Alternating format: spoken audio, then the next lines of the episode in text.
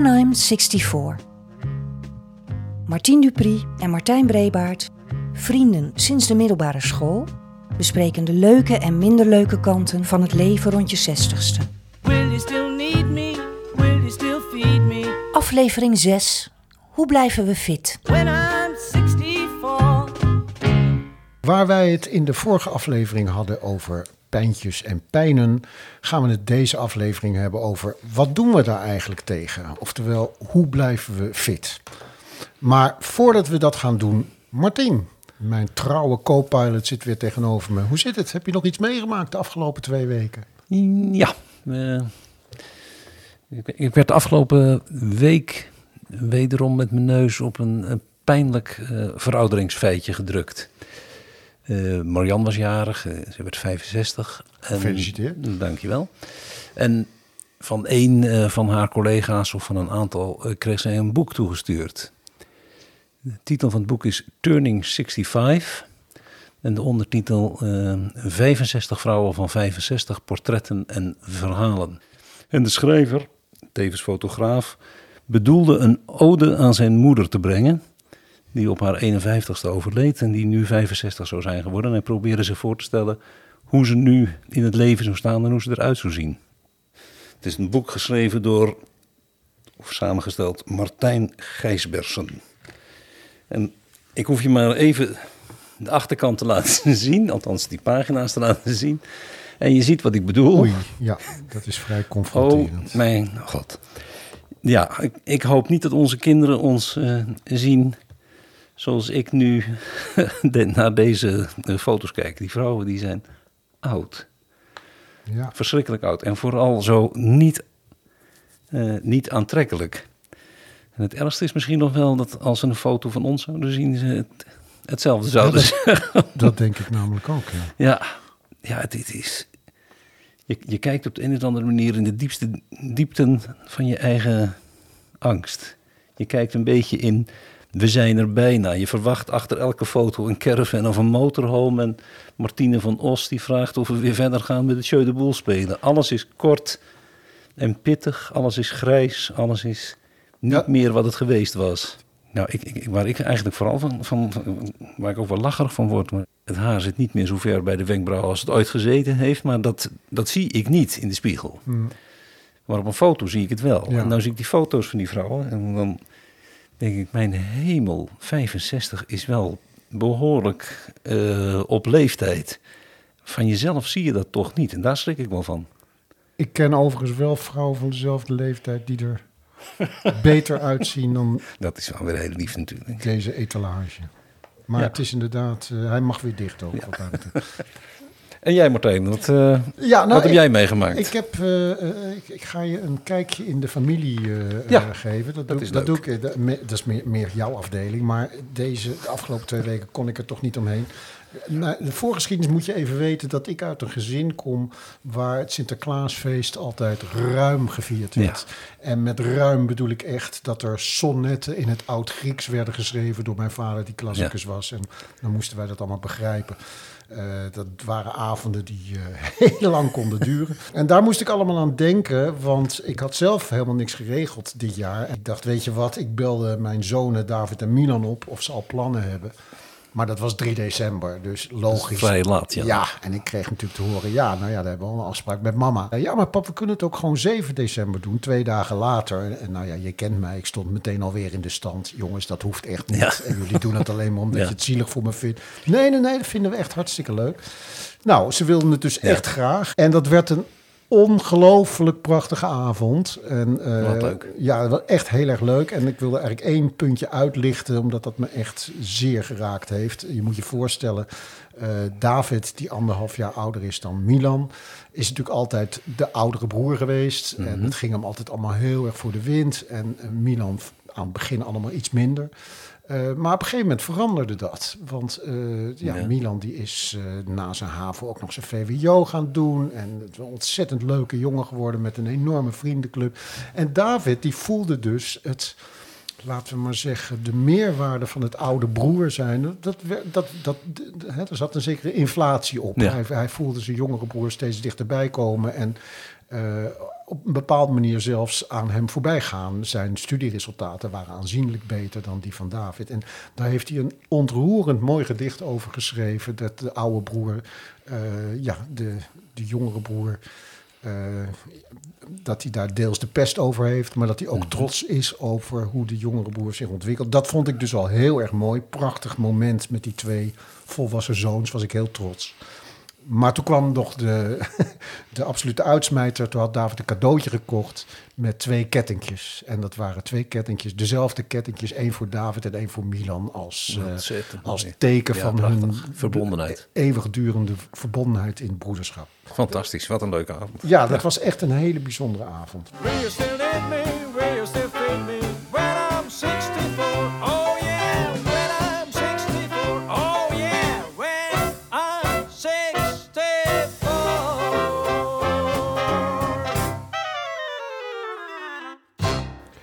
Een van de weinige voordelen van de quarantaine en lockdown ellende is dat we meer tijd hebben om te lezen. En wat we dan lezen, daar kan Francisca Kramer ons bij helpen. Ondanks dat deze aflevering van de podcast gaat over gezondheid en gezond ouder worden, eh, wil ik het dit keer hebben over het boek van Irvin Yalom. Het heet Tegen de zon inkijken. Eh Irvin Yalom is een van de beroemdste psychiaters ter wereld. En hij eh, heeft hele bekende boeken geschreven, zoals Nietzsche's Tranen of de Schopenhauer-kuur, die sommigen van jullie misschien wel kennen. Hij is inmiddels 90 jaar en eh, woont in Californië. En het boek waar ik het over wil gaan hebben, wat dus heet Tegen de zon inkijken, gaat over doodsangst en hoe we die kunnen overwinnen. En ja, sterfelijkheid en dood zijn natuurlijk kwesties die hij veel tegenkomt of tegen is gekomen in zijn praktijk. En het is iets waar ik op, op den duur allemaal mee te maken krijgen en ja, waar we uiteindelijk allemaal aan moeten. Op een dag gaat iedereen dood. En hij beschrijft in dit boek hoe een eh, bepaalde ervaringen, zoals verlies of een scheiding of pensioen, hè, de naderende ouderdom, hoe dat keerpunten kunnen worden op weg naar een zinvolle leven. Ehm, hij, laat, hij probeert de schoonheid eh, te laten zien van bewuste leven en ook laat hij zien hoe je bereid kunt zijn meer risico's te nemen voor een uiteindelijk bevrediger, bevredigender en liefdevoller leven. Nou, dit boek dat heeft mij aangegrepen omdat eh, hij heel goed ja, met het thema omgaat en, en de koe bij de horens vat. Hij, ehm, het is een gevoelig thema, wat bij veel mensen willen daar liever niet veel over lezen of praten. Maar het is wel iets wat veel mensen aangaat, natuurlijk ons allemaal. En het troostvolle in dit boek is wel dat, ja, dat hij eigenlijk adviezen geeft hoe je kunt leren leven in het hier en nu. En ook uiteindelijk dat je het besef kunt krijgen dat de invloed die we allemaal op anderen hebben, ook na ons eigen leven blijft voortbestaan.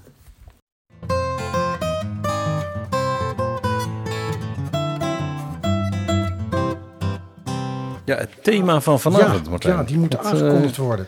Ehm, nou, ik heb net al gezegd, eh, de, de pijntjes, de kwaaltjes van verleden week vragen natuurlijk om het onderwerp hoe blijven we fit?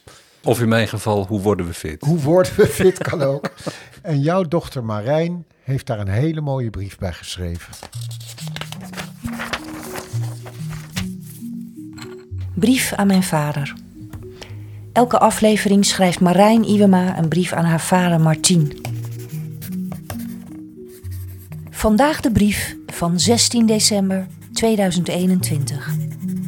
Hi pap. Vandaag schrijf ik je net na mijn vaste workout in de ochtend.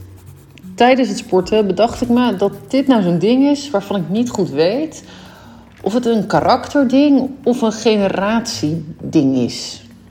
Ik bedacht me namelijk dat eh, jij en mam het wel super belangrijk vonden dat wij sporten, maar dat ik me niet kan herinneren, op misschien wat wintersport na, dat ik jou ooit heb zien sporten. En vooral niet met plezier. Sporten was wel heel belangrijk binnen ons gezin. Ik heb hele fijne herinneringen aan hoe jij altijd langs de lijn stond. Elke training, elke wedstrijd. En nog steeds bij een hele koude avond kan ik een heel warm en veilig gevoel krijgen wanneer ik een zware sigarettengeur ruik. Omdat jij altijd langs de lijn stond met je sigaret. Naast de fysieke voordelen van sport heeft sport natuurlijk ook heel veel mentale voordelen. Het geeft je een goed gevoel door de endorfine die vrijkomen. En sporten brengt je vaak ook in contact met andere mensen. En doordat sporten ervoor zorgt dat je hart en bloedvaten in goede conditie blijven, is het ook goed voor je hersenen. Daardoor is sport ook goed voor je geheugen, je concentratievermogen en je verwerkingssnelheid van informatie. Mm, toch merk ik dat mijn motivatie niet echt wordt gevoed door dit soort lange termijn gevolgen. Hoewel ik dat wel weet, eh, ligt mijn motivatie mm, ja, bij onze kinderen.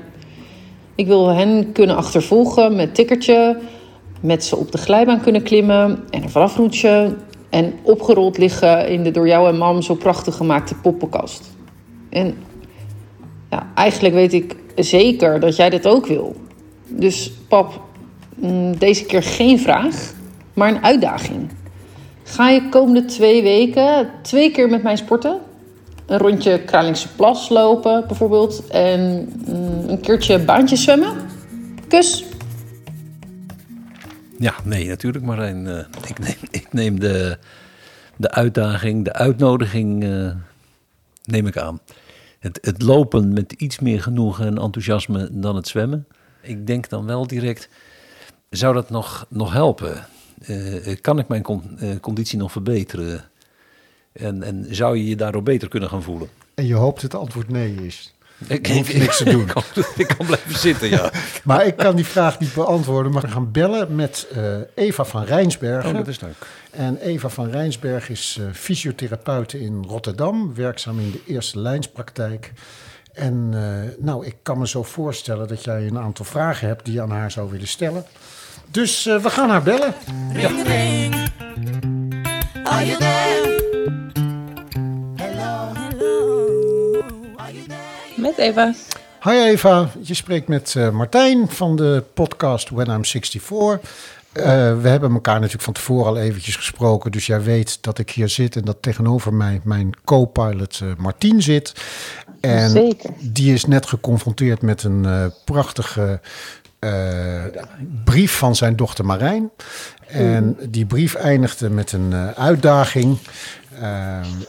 En eh, ik neem aan dat hij naar aanleiding van die brief een aantal vragen aan jou heeft. Is hij wel fit genoeg om die uitdaging aan te gaan? kan hij alsnog iets aan zijn fitheid doen of is het helemaal afgelopen? Ik Nou, ben heel benieuwd wat deze uitdaging was. Dankjewel. Het is toch niet de marathon van Rotterdam, Martien? Nee, hoewel, dan is het tenminste een duidelijk doel. Dat schijn je te moeten hebben altijd bij dit soort dingen.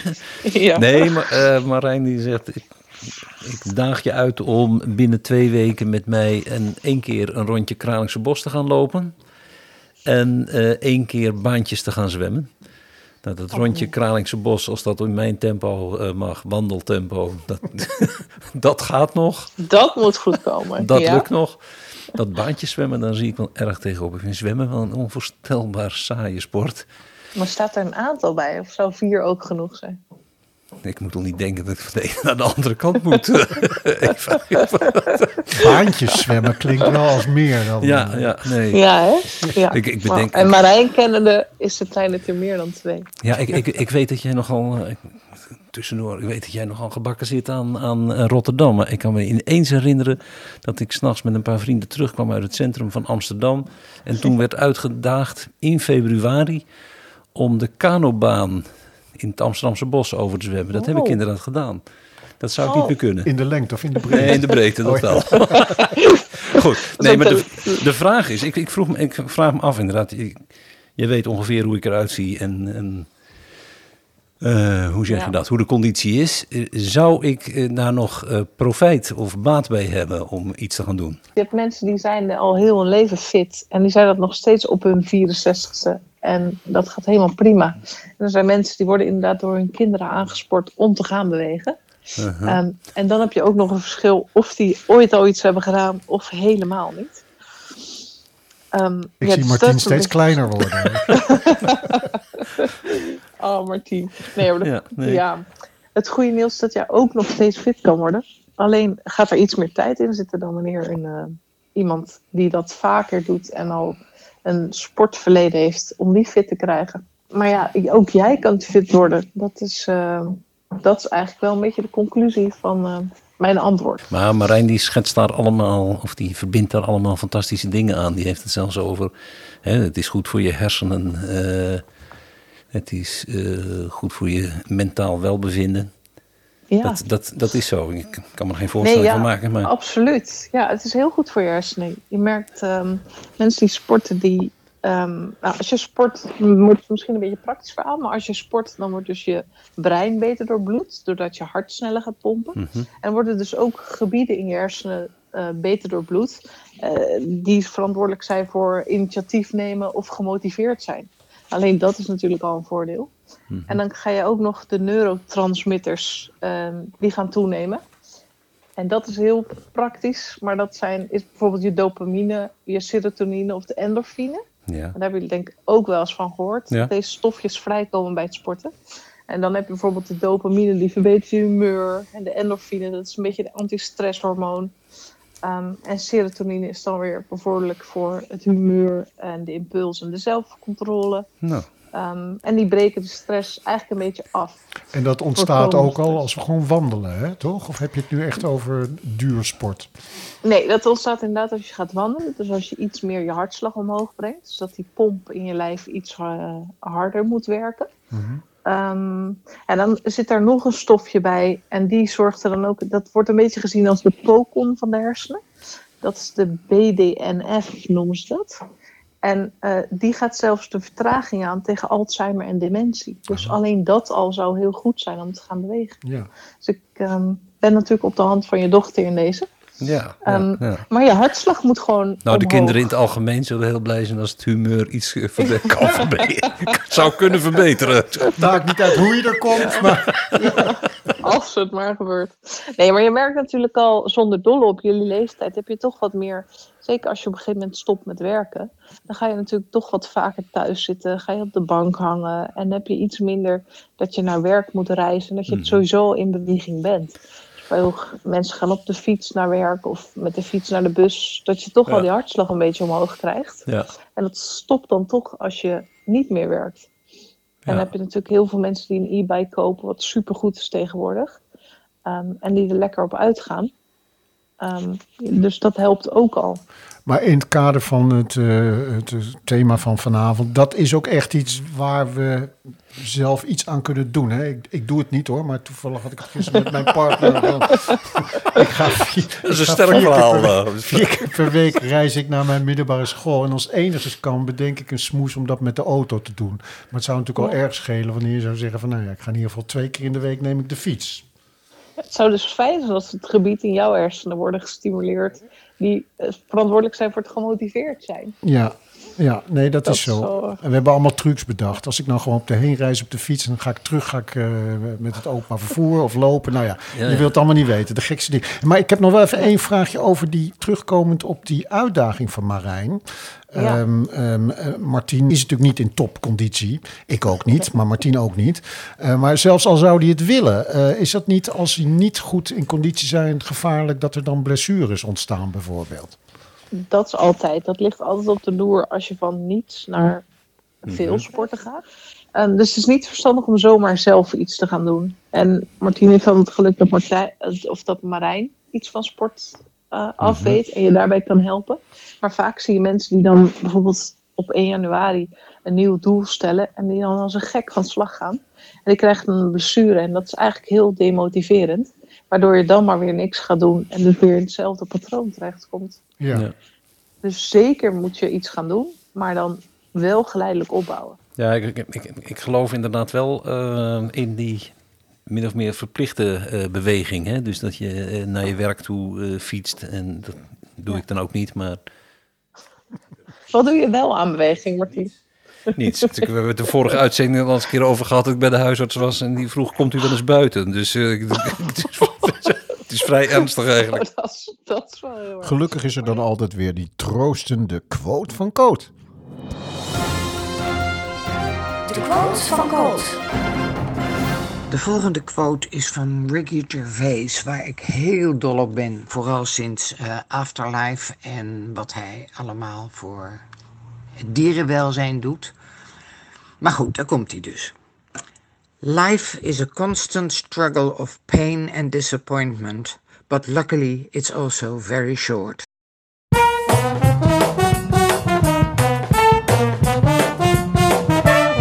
Dankjewel, Coot. Aan de telefoon gelukkig nog steeds Eva van Rijnsbergen, want we hebben nog veel meer vragen. Want, want, nou, ik, ik, ik zit ondertussen af te vragen, dat klinkt een beetje als een open deur, maar waarom moeten we eigenlijk fit zijn? hè? Dus, eh, Want nou ja, helpt het eh, blijkbaar, het helpt voor een, eh, het geeft je een beter humeur, het helpt tegen ernstige ouderdomskwalen.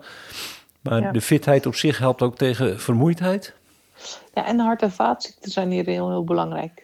Dus als je fit blijft en dus minder. ehm, en je hebt ook minder overgewicht vaak hè, als je fit Ja, blijft. ja, ga door. En dat. dat ja. Nou, als je een wat dikkere buik hebt, dan heb je dus ook het vet wat je daar hebt opgeslagen. Dat is vaak visceraal vet noemen ze dat. En dat gaat om je organen zitten.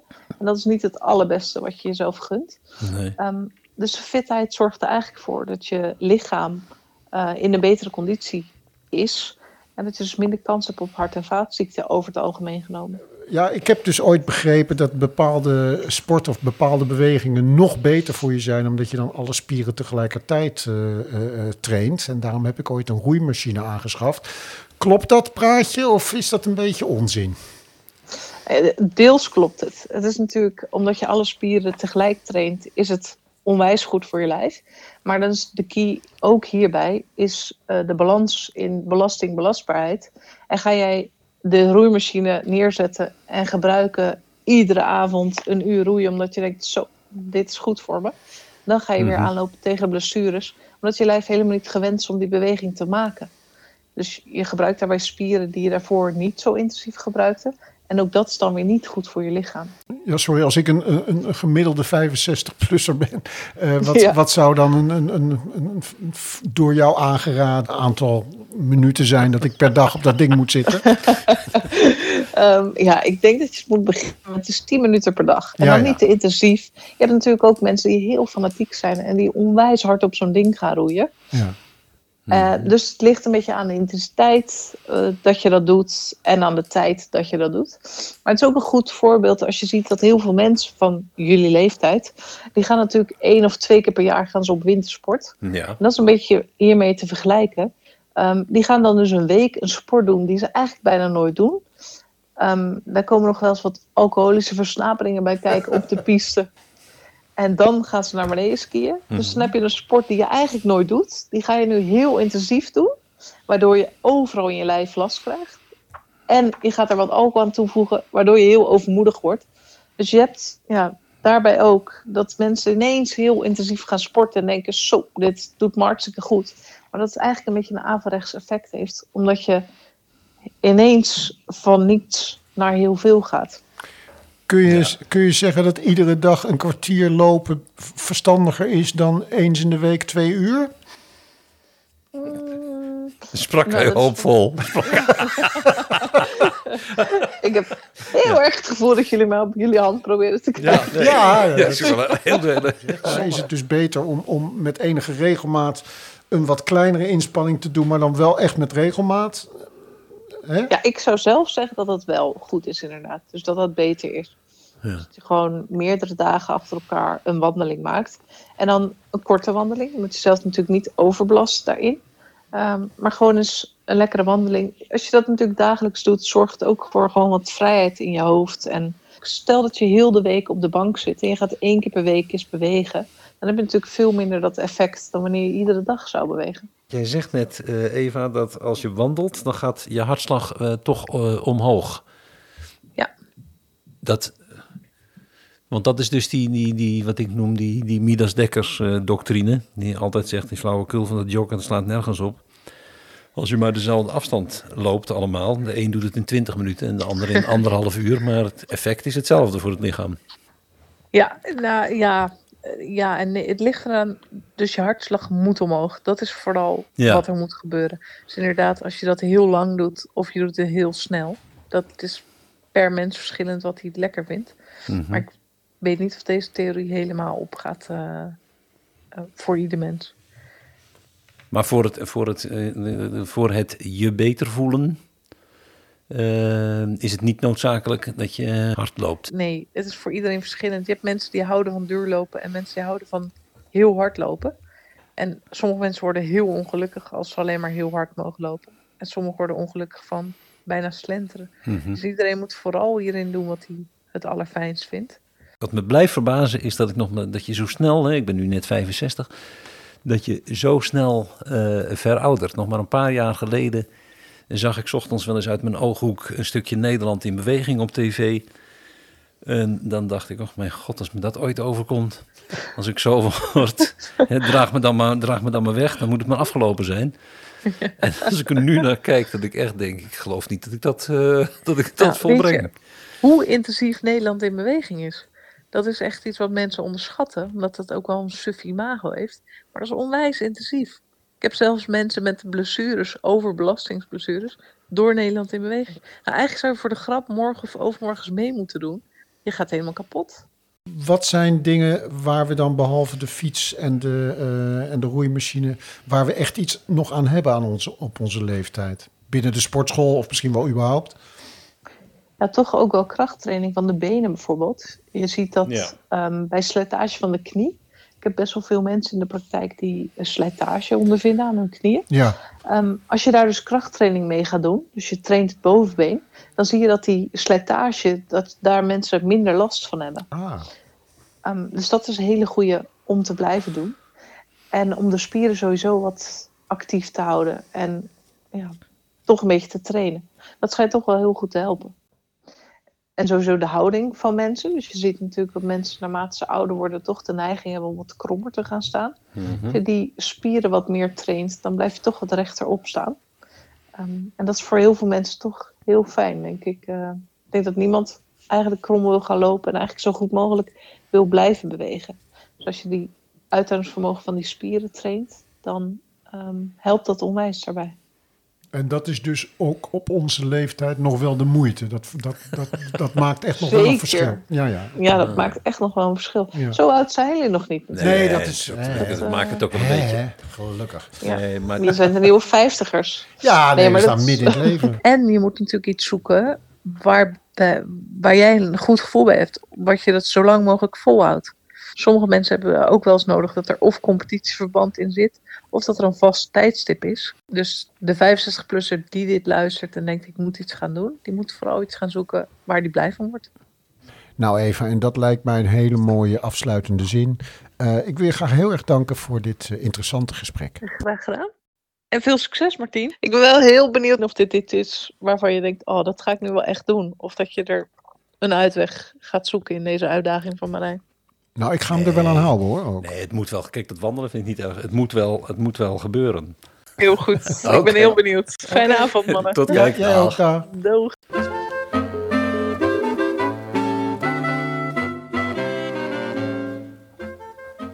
Nou, ik vond het een eh, erg leuk gesprek. eh, Ja, vond ik ook. Leerzaam. leerzaam, Confronterend. confronterend, bedreigend. en ik hoop toch dat. eh, nou, ik wil, het, ik wil het eigenlijk wel zien gebeuren dat je je beter gaat voelen door meer te bewegen. Ja, en ik kan die roeimachine ook gewoon houden. Ja, dat eh, dat is ook wel weer prettig. Ja. ik was vooral erg blij om te horen dat eh, ook een elektrische fiets een eh, toegevoegde waarde heeft. Vind je dit een leuke podcast? Dan hoef je geen uitzending meer te missen als je je abonneert of ons gaat volgen via de bekende podcast-apps zoals Spotify en Apple Podcasts. Leuke foto's en filmpjes kun je vinden op onze Instagram-pagina When I'm 64 pod. Reageren kan via de mail when I'm 64 podcast at gmail.com. Heb je dat, Martien? Ja, dat gaat lukken. Bloemetje van, bloemetje van, het bloemetje van Martien. Vanavond een wat minder somber gedicht eh, van Bloem. Ja, we zitten in de kersttijd, halverwege december. En we gaan het jaar uit met de Dapperstraat. Ik denk veruit het meest bekende gedicht van Bloem. De Dapperstraat. Natuur is voor tevredenen of legen. En dan, wat is natuur nog in dit land? Een stukje bos, de grootte van een krant, een heuvel met wat villaatjes ertegen. Geef mij de grauwe stedelijke wegen, de in kaden vastgeklonken waterkant, de wolken nooit zo schoon dan als ze omrand door zolderramen langs de lucht bewegen. Alles is veel voor wie niet veel verwacht. Het leven houdt zijn wonderen verborgen, totdat ze opeens toont in hun hoge staat. Dit heb ik bij mijzelf overdacht, verregend op een miserige morgen, domweg gelukkig in de Dapperstraat.